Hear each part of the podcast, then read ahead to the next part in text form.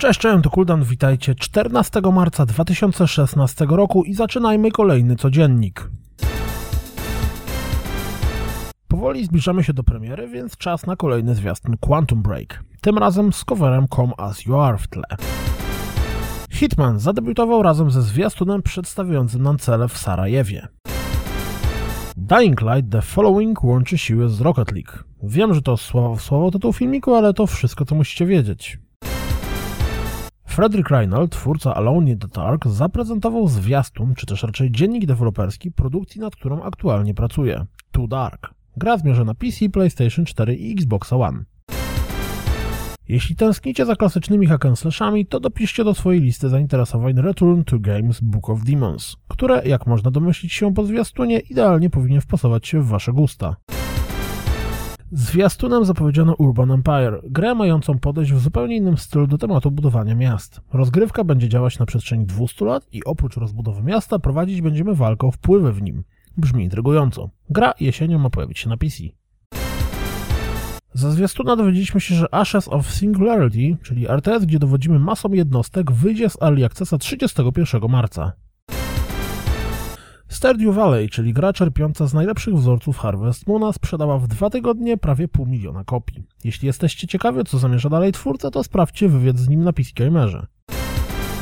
Brad Welsh, senior campaign designer pracujący przy Halo 5, odszedł z 343 Industries i dołączył do Visceral Games, żeby pracować przy tworzonej przez nich grze związanej ze Star Wars. Jako powód podał chęć pracy ze Scottem Warnerem i Amy Henning.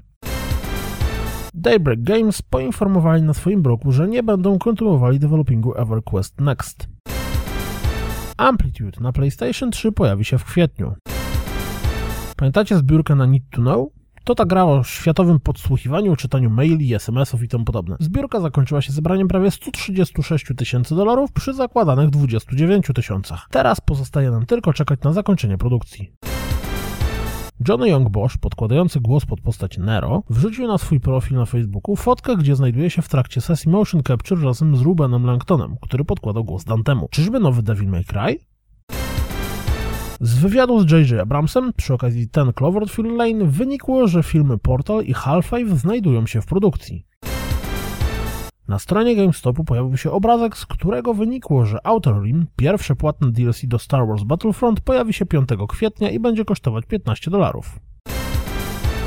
City Skylines w przeciągu roku sprzedało ponad 2 miliony egzemplarzy i z okazji pierwszej rocznicy gry otrzymamy darmowy update umożliwiający terraformowanie otoczenia.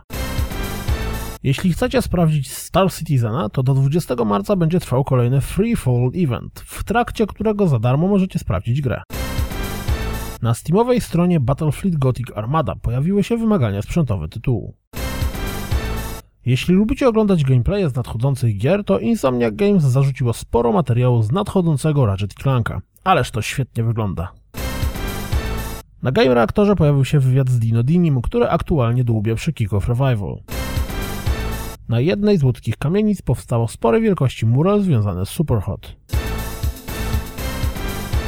To wszystko na dziś, jak zawsze. Dziękuję za słuchanie, jak zawsze zapraszam na www.rozgrywkapodcast.pl. Jeśli doceniacie moją pracę, wesprzyjcie mnie na Patronite i mam nadzieję słyszymy się jutro. Cześć!